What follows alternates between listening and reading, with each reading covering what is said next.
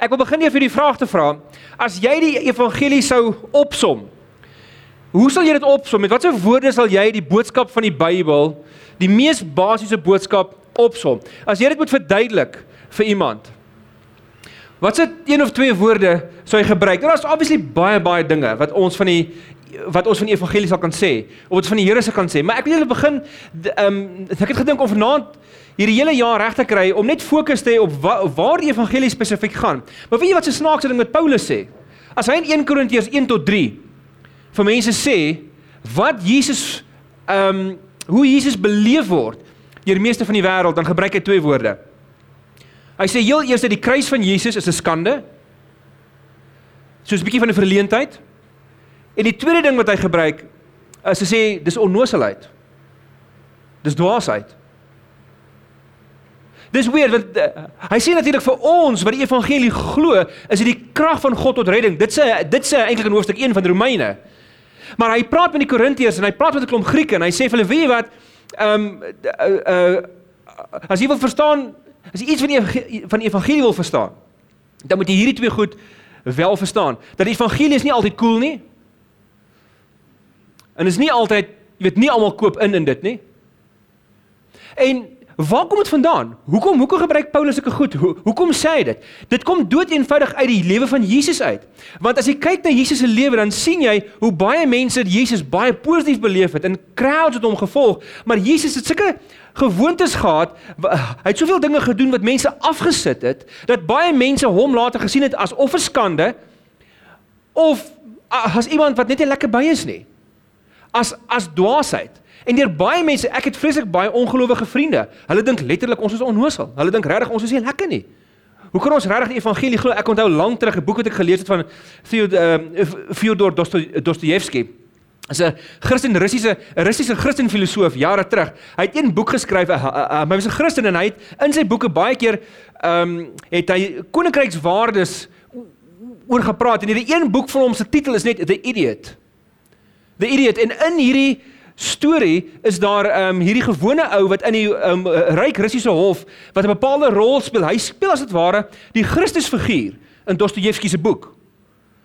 Maar hy's die idiot.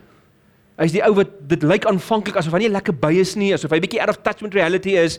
Ehm um, en ehm um, maar um, maar aan die einde van die boek dan kom jy agter hy's eintlik die een wat 'n grip het het op realiteit. Hy's eintlik die een wat verstaan waaroor dit gaan. Mense um, hou aanvanklik niks van hom nie. Hulle Hulle ag hom nie hoog nie, maar aan die einde gaan mense na hom toe met hulle probleme. Maar aanvanklik het hulle gedink hy's 'n idiot. En so soos dit soms, Jesus het baie mense aanstoot gegee. Hy het baie mense kwaad gemaak. En ehm um, wat hom gesien het as 'n skande, hy het baie keer het hy die dinge wat hy gedoen het, het baie keer ehm um, lynreg ingedryf teen wat die mense verstaan het as sekere ehm um, reëls wat uit die wet uitgekom het. So so baie mense het gedink Jesus het die wet oortree. Alhoewel hy dit natuurlik nie gedoen het nie, want hy self is eintlik in der waarheid die wet. Maar hy het 'n klomp dinge gedoen wat wat, wat mense laat dink het hy's 'n skande. Hy het met mense geëet wat hy nie meer moes eet nie, met skandelike mense, slegte mense uit geassosieer met met ehm uh, slegte mense en dis waarom mense baie keer sleg van hom gedink het, 'n klomp mense. En ehm um, Soms het, het hy reëls gebreek wat te maak gehad het met met higiëne en met reinheid en partykeer het mense net gedink hy's lekker by nie. Baie mense het so gedink. So Jesus het snaakse gewoontes gehad. Hy het onder andere 'n hele paar keer op die grond gespoeg. Dit is nie 'n mooi ding om te doen in daai tyd nie. Dis jy het vra jou ma. Ehm um, dit is ehm um, maar is nie net ons vandag wat so dink nie. Dit was destyds ook so gewees.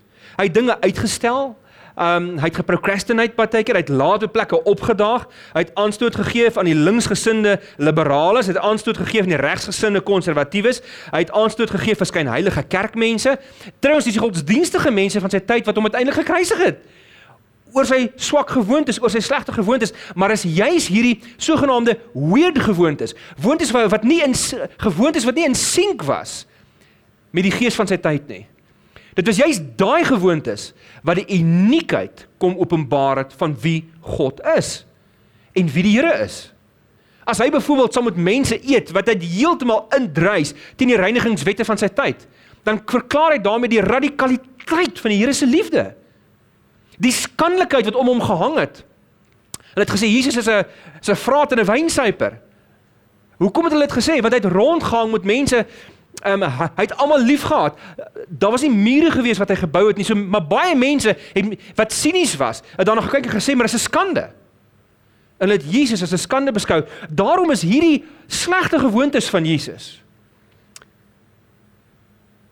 Is dinge wat vir ons belangrik is om om in ag te neem. Wat dit beteken is ek en jy Jesus wil volg. Gaan ons baie keer dinge moet doen waarvan ander mense nie hou nie. Gaan ons baie keer gaan mense dink baie keer ons is onnosel. Gaan hulle soms dink ons is 'n skande want ons meng met mense anders as ons. Ons mens moet ons meng met anders kleurig is. Ons meng met mense wat nie glo nie. Ons meng met mense wat wat nie altyd van die bestes in die samelewing is nie. Ons gaan sit langs hulle. En ons begin hierdie reeks wat vir 4, 5 sonnae lank gaan ons kyk na die slegte gewoontes van Jesus.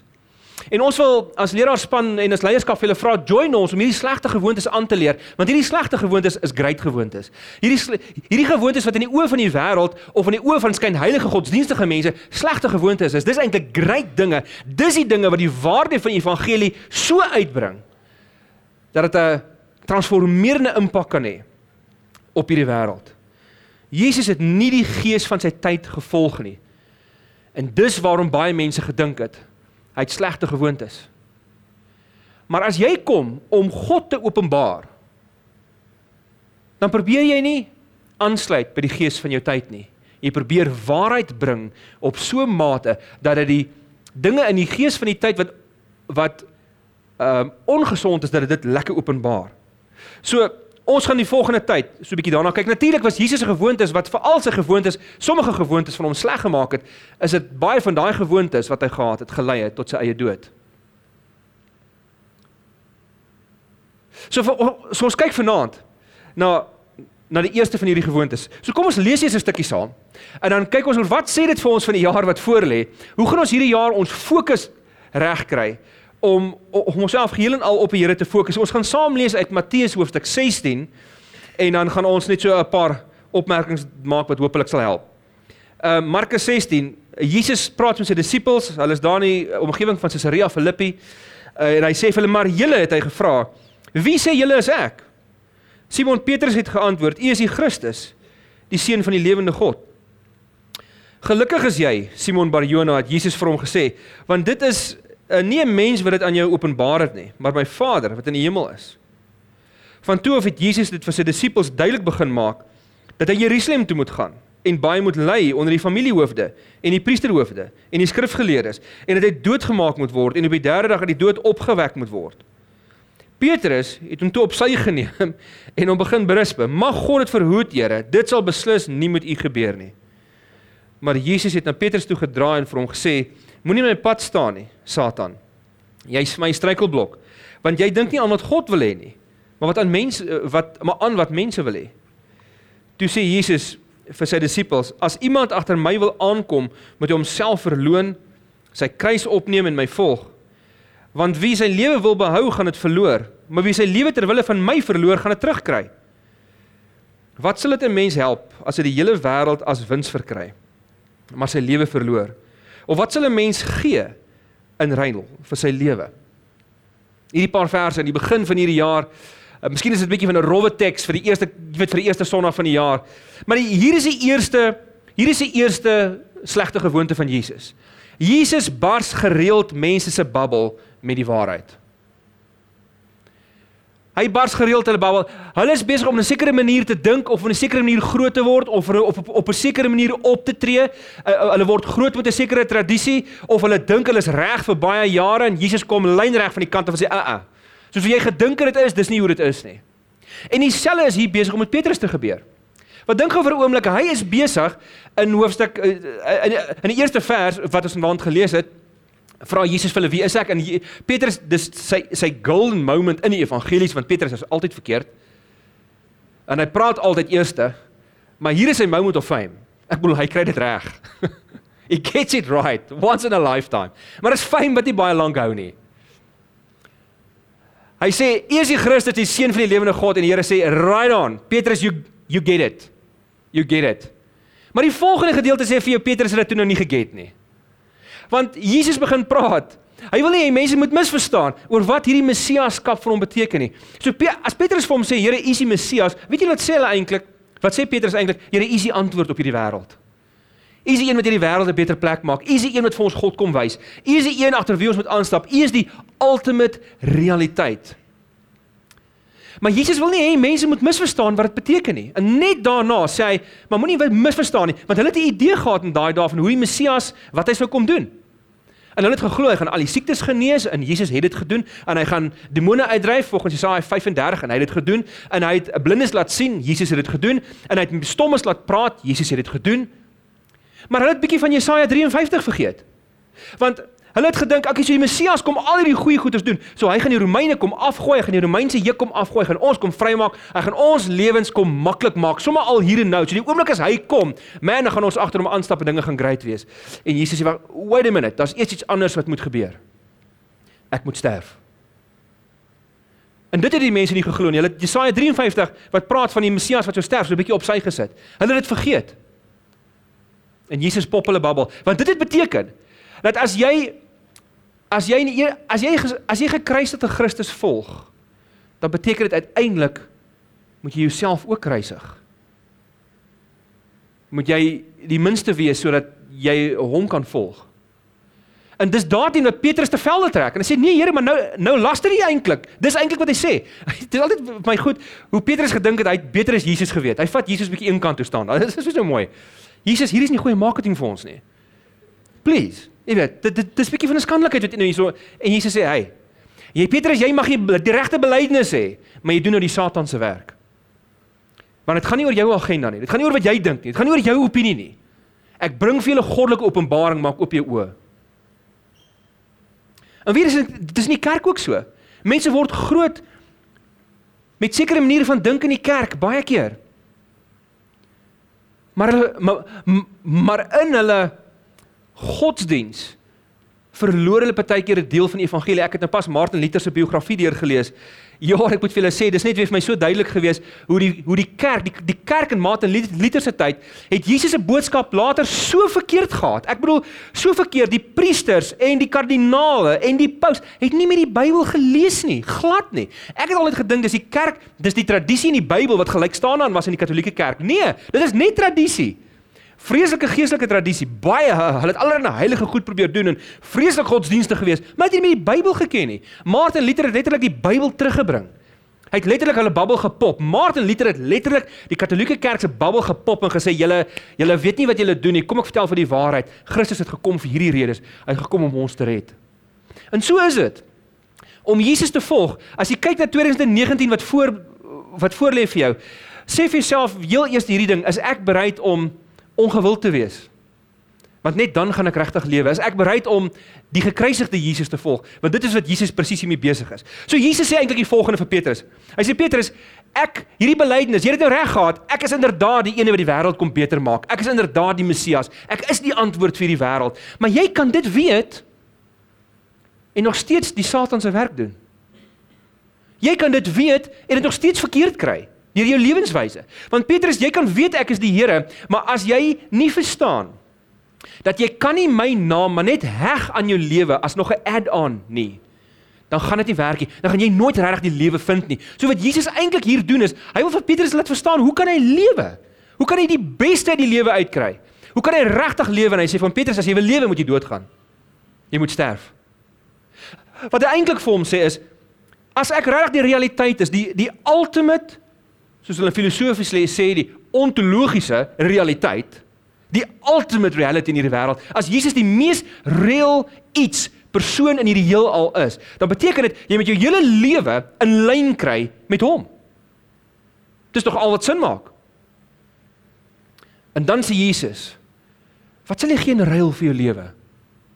Hy sê wat help dit jy jy, jy wen die hele wêreld, maar jy verloor jou lewe? En hy woordjie vir lewe is psugai. Dit dit dis die woordjie waarvan ons psychological afgelei is, psugai. Dit beteken dis eintlik jou siel. Maar dis 'n goeie vertaling om te sê jou lewe want dis 'n lewe is 'n goeie vertaling vir die woord siel want uh, hulle het nie in die Ou en Nuwe Testament as hulle van die woord siel gepraat het, altyd gepraat van jy weet sekere dele van jou samestelling soos wat Paulus sê in 1 Tessalonisense 5 in die liggaam, siel en gees nie. Hulle het eintlik bedoel jou ganse lewe, jou ganse bestaan. So Jesus sê vir Petrus, hoor hierso. Ek is nie net iets wat jy kan add, kan stiek in jou aan jou lewe nie. Hoe ek die beste gaan werk as jy my wil verstaan.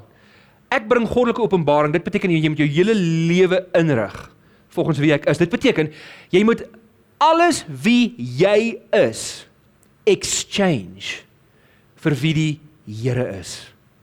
Dis 'n uitruil transaksie. Dis 'n trade-off. Ons almal maak trade-offs elke dag. Jy oefen harder, so jy offer jou tyd op sodat jy gesonder kan wees. Dis 'n trade-off.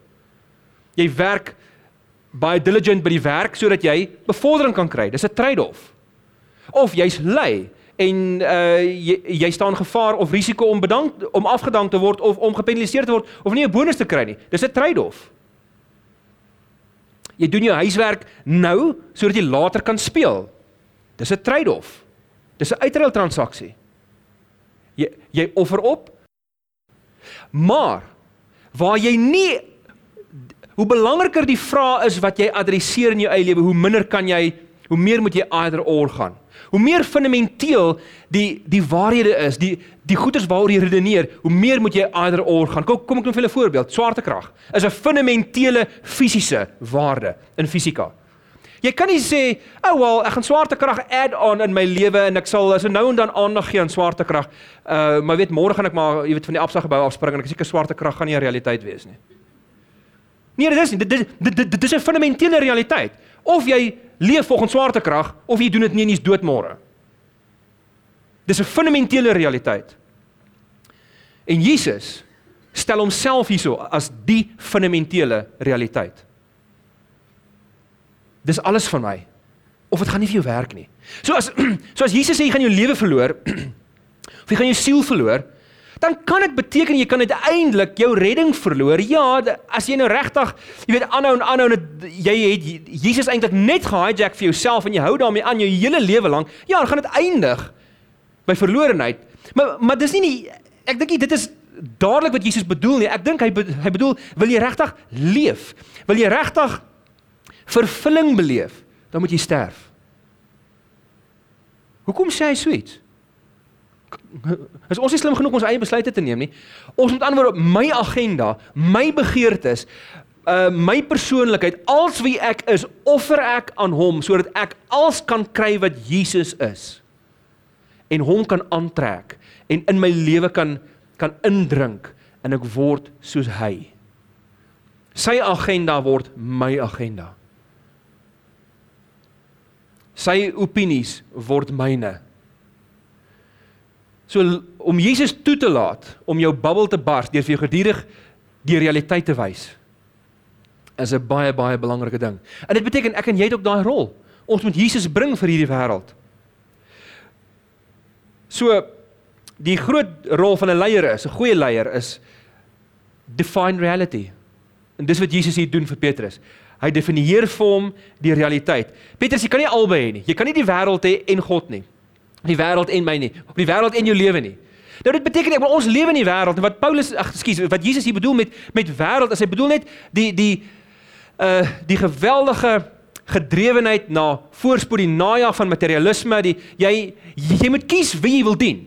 Hy sê in hoofstuk 6 jy moet of God of Mammon dien. Jy jy kan nie albei dien nie. Beteken nie jy mag nie geld maak nie.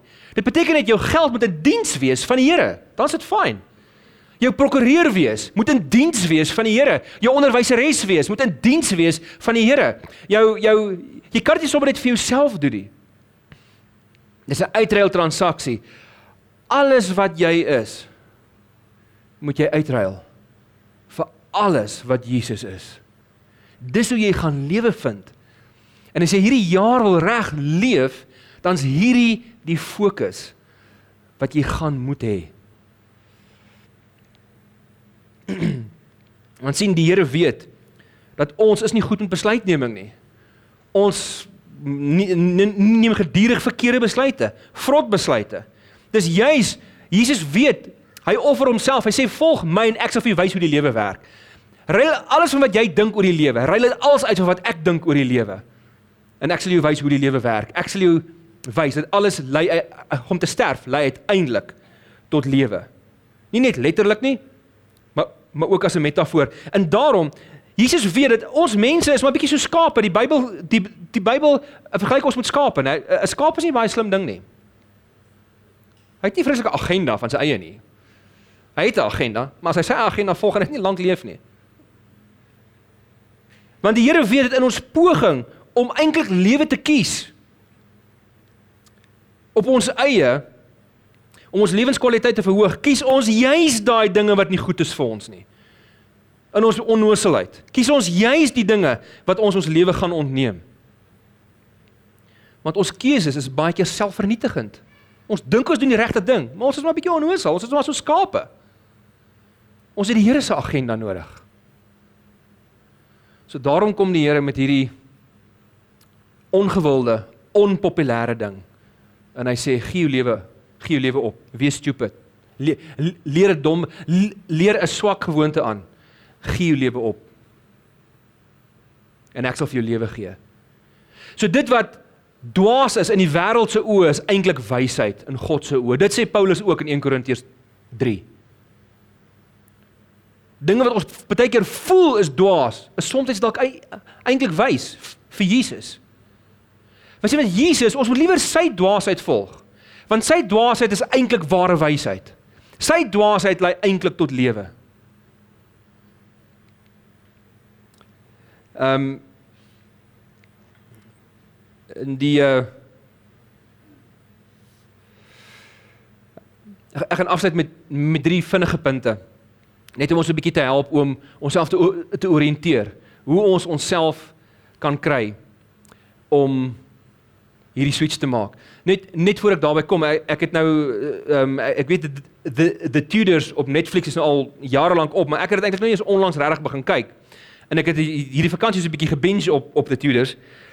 En ehm um, die een van die dinge wat ek agter nogal agtergekom het is dit gaan eintlik oor Henry die 8ste wat 'n absolute tiran in in Engeland was. Hy was ons die pa van die baie bekende koningin Elizabeth geweest. Maar hy was 'n terrible terrible ou om voor te werk. Natuurlik was hulle almal katolieke geweest. So daar was kardinale en mense geweest, uh, hoëgeplaastes wat saam met hom gewerk het in sy uh in die hof van die paleis en hulle moes altyd net doen wat hy sê. En baie keer was dit teen hulle eie godsdienstige waardes geweest. Soos op 'n stadium, ek bedoel Henry die 8ste het 6 vrouens gehad byvoorbeeld.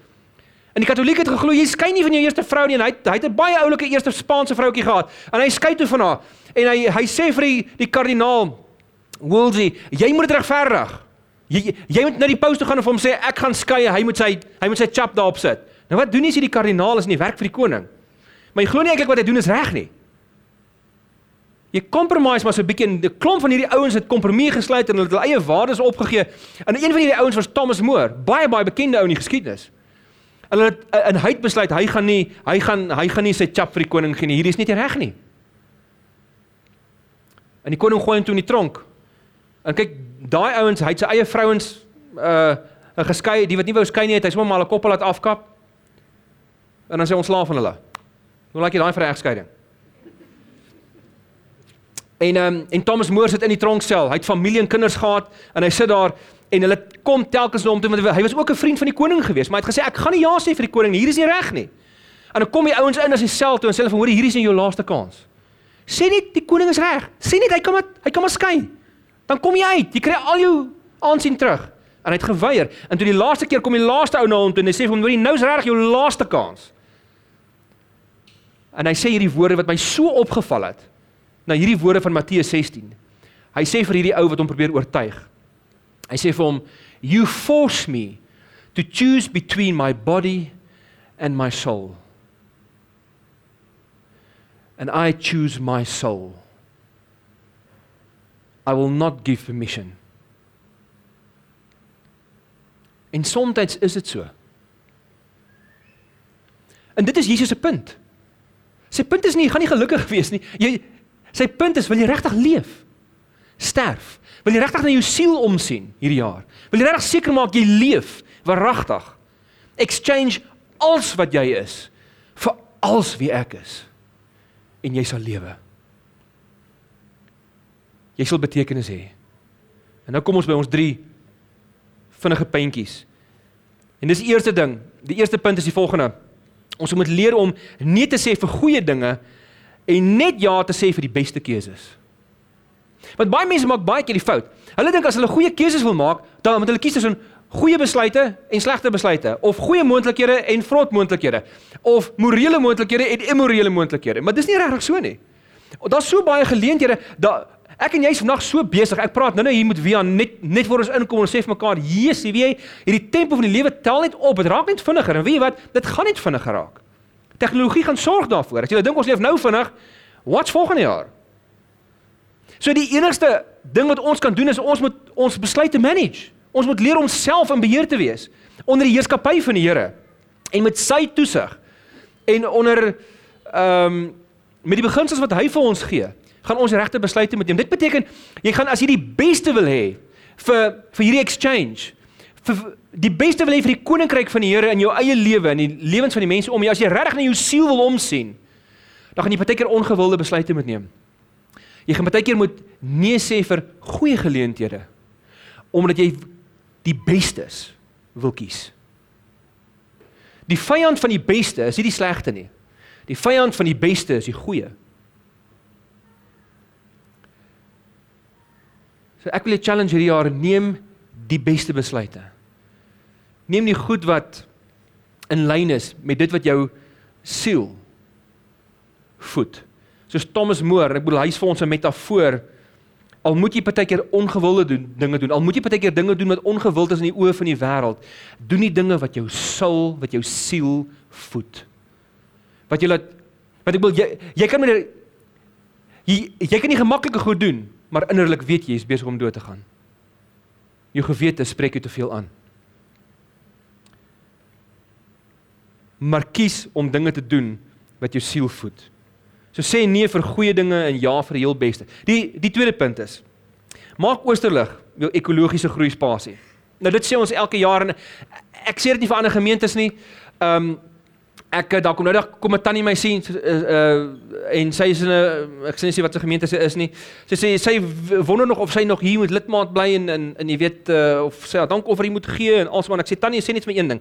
En daar enigstens iemand tot bekering gekom in julle gemeente die laaste jaar. Nee, sy sê o ja, van jare al, hulle weet nie. Ek sê tannie, waai daar.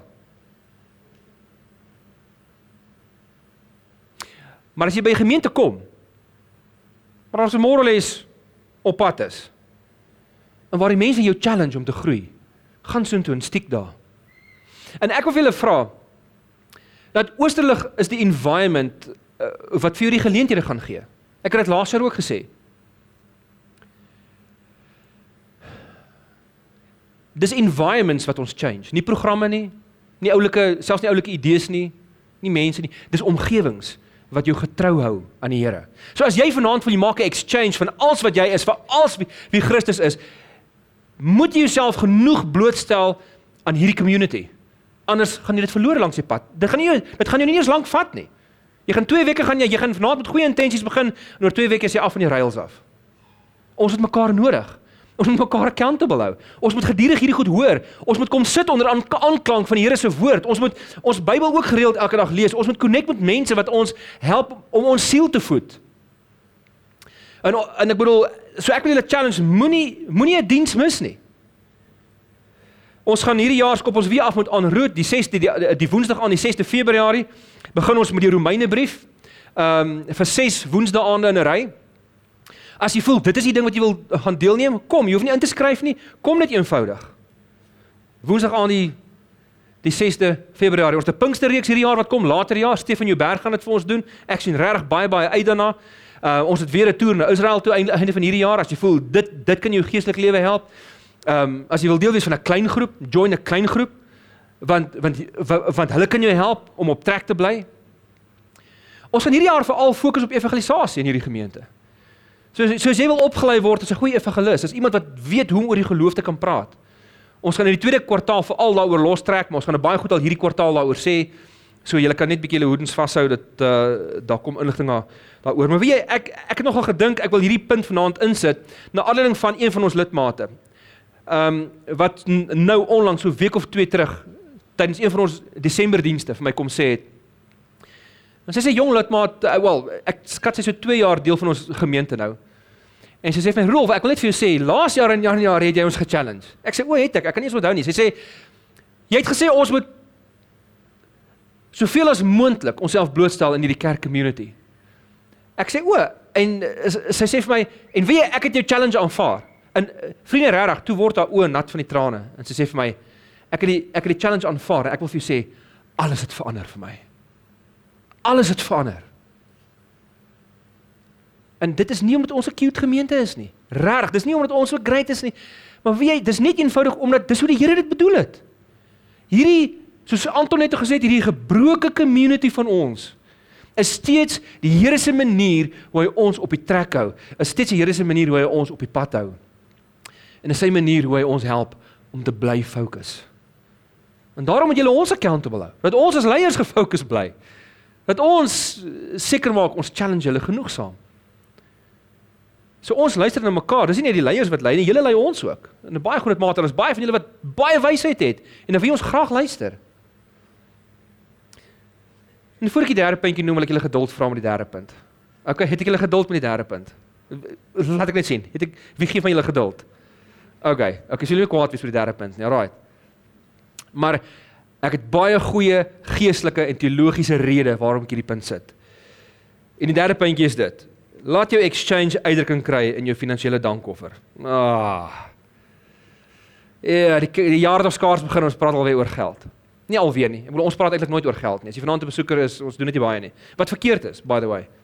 Want Jesus het meer gepraat oor geld as oor enige iets anders. Nou hoekom noem ek dit hier? Hoekom vat ek nou nie die kans om hierdie ding van die dankoffers lekker in te sneek sodat nee, trust me, ek het nie geweet ek gaan eintlik hieroor praat nie. Toe ek gister begin dink oor hierdie hierdie oor hoe hierdie hele ding van om alles wat ek is te exchange vir alles wat Christus is, Wat is Jesus se opinie oor wat is die een enkele ding, die een enkele toets vir ons spiritualiteit? Jesus sê wat dit is.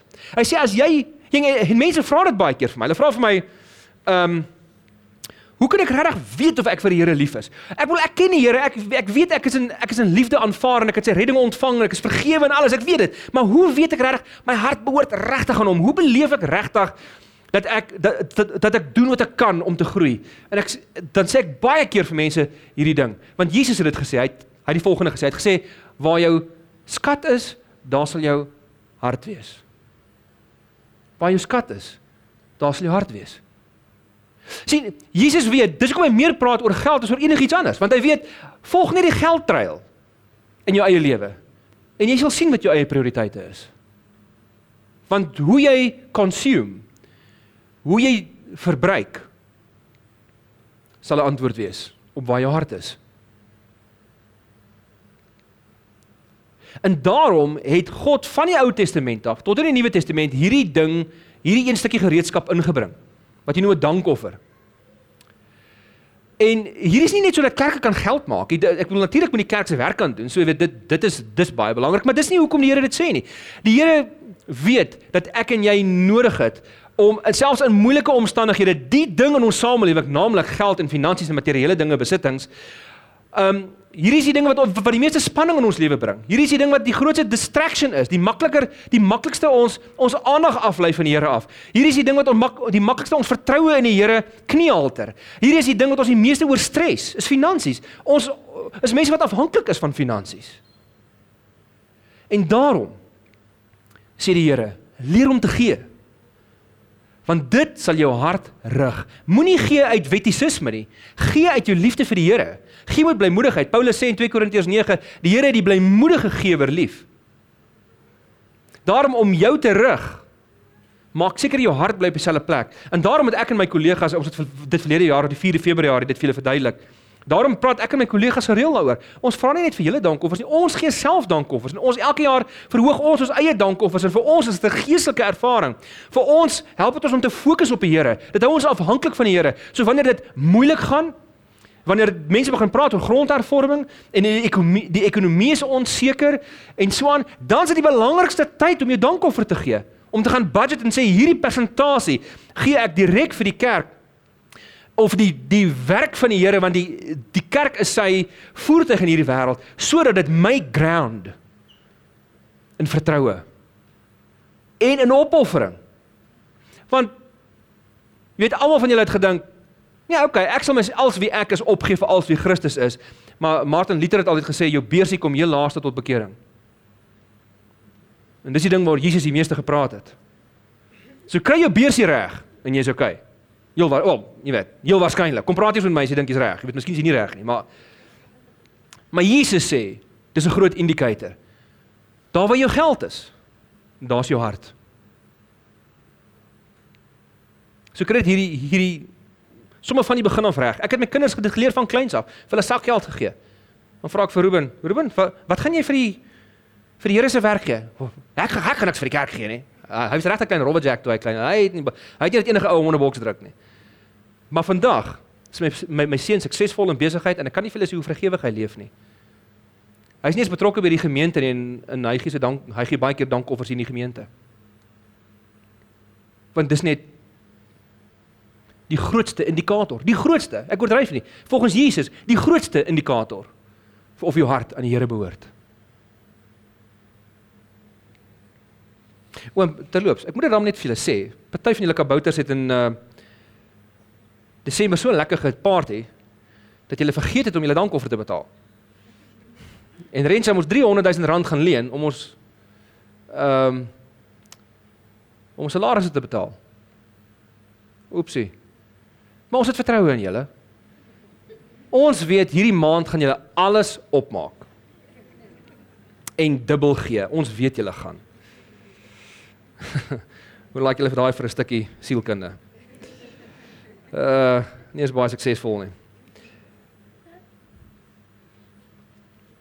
Die laaste puntjie. En dan is ons klaar. Jesus ontnigter dis eintlik die tweede gewoonte. En ons mag dalk oor hierdie dinge elke Sondag praat want want hierdie was Jesus se heel slegste gewoonte. Jesus ontnigter mense gereeld met die radikaliteit van sy liefde. Hy het melaatses liefgehê en tollenaars soos 'n gees en hy het hy het mense liefgehad wat eh, glad nie liefde verdien het nie. En hy het hy het mense so liefgehad dat hom skande veroorsaak het. Dat sy naam daaronder gelei het En wow, as mens in die kerkgeskiedenis kyk, dan sien jy die tye in die geskiedenis waar die kerk uitgeblink het, is waar hulle dit reg gekry het, waar hulle alles wie hulle self was kon exchange vir alles wat Jesus was en waar hulle soos hy opgetree het en in die 3de eeu is daar 'n 'n biskop waaroor skryf Dionysius en en daar was 'n geweldige plaag gewees, 'n siekteplaag wat honderde duisende mense doodgemaak het in die antieke tyd. Ehm um, En die biskop Dionysius skryf oor die betrokkeheid van van kerkmense, van gelowige mense in die lewens van siek mense en hy skryf die volgende. Hy sê most of our brethren, dis nou die kerkmense met wie hy saamleef, were unsparing in their exceeding love and brotherly kindness. They had held fast to each other and visited the sick fearlessly and ministered to them continually, serving them in Christ. And they died with them most joyfully. Wie jy weet Jy's in 'n goeie gesonde gemeente terloops. As mense joyfully saam met mekaar sterf omdat hulle mekaar ondersteun. Dis 'n bietjie, dis 'n bietjie hardcore, né? Maar dit is beautiful. And they died with them most joyfully, taking the affliction of others and drawing the sickness from their neighbors to themselves and willingly received their pains. En dan sê Dionysius van die van die mense wat nie geglo het nie, die heidene om hulle, sê die volgende, hy sê, "But with the heathens everything was quite otherwise. They deserved those who began to be sick. Uh, sorry, they deserted those who uh, began to be sick and fled from their dearest friends, and they cast them out into the streets where they were half dead and left the dead like refuse unburied." Maar 'n community wat alles wat hulle is exchange vir alles wat Jesus is, kan lewe bring in 'n samelewing. 'n Gemeenskap wat sterf kan lewe. In ons eie Afrikaner geskiedenis is Tannie Gesina Kreer vir my so 'n goeie voorbeeld, ou oom Paul Kreer se vrou. Sy was baie baie wyd bekend vir haar geloof, haar naïewe geloof in die Here en vir haar liefde vir mense en sy's bekend gestaan as 'n saggeaarde, liefdevolle mens. En natuurlik in die Anglo-Boereoorlog in die tyd toe die toe die Engelse ehm um, die boere in in in in uh, in konsentrasiekampe gesit het en hordes uh, mans, vrouens en kinders het gesterf in konsentrasiekampe. In daai tyd um, was 'n terrible tyd gewees in die Afrikaner en Engelse geskiedenis. En oom Paul Kreer was was in ballingskap gewees op 'n stadium en dan die gesiene was alleen op die plaas. En dit het baie keer gebeur dat daar groepe uh, Engelse soldate daar op die plaas aangekom het natuurlik om te eis dat hulle water kry om te drink en kos om te eet.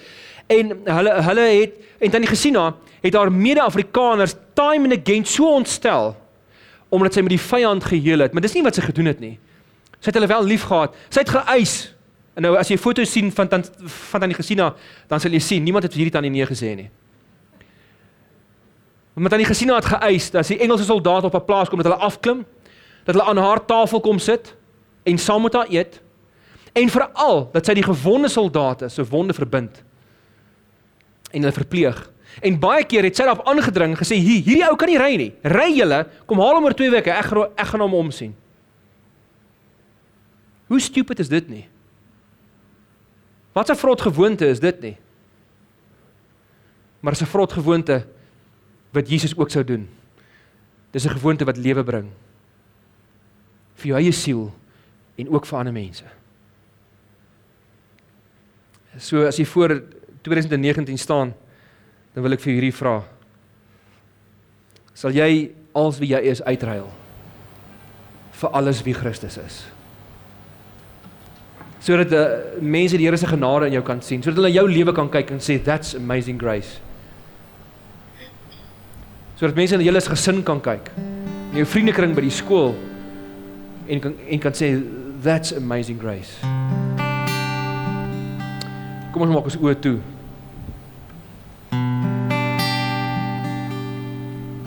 Ons sê vir U Here Jesus, dankie vir U voorbeeld. Lei ons lewens asseblief. Maak ons mense wat bereid is om as 'n skande gesien te word of onnosel gesien te word deur die wêreld of deur skynheilige godsdienstiges.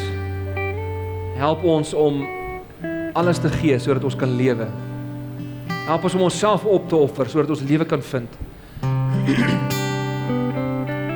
ons bid dit Here Jesus in U naam. En ek bid Here dat ons nie net sal sing dis is amazing grace nie, maar dat ons dat ons dit sal sing deur ons lewenswyse ook. Dat ons lewe sal getuig daarvan. Dat ons mense is wat U volg.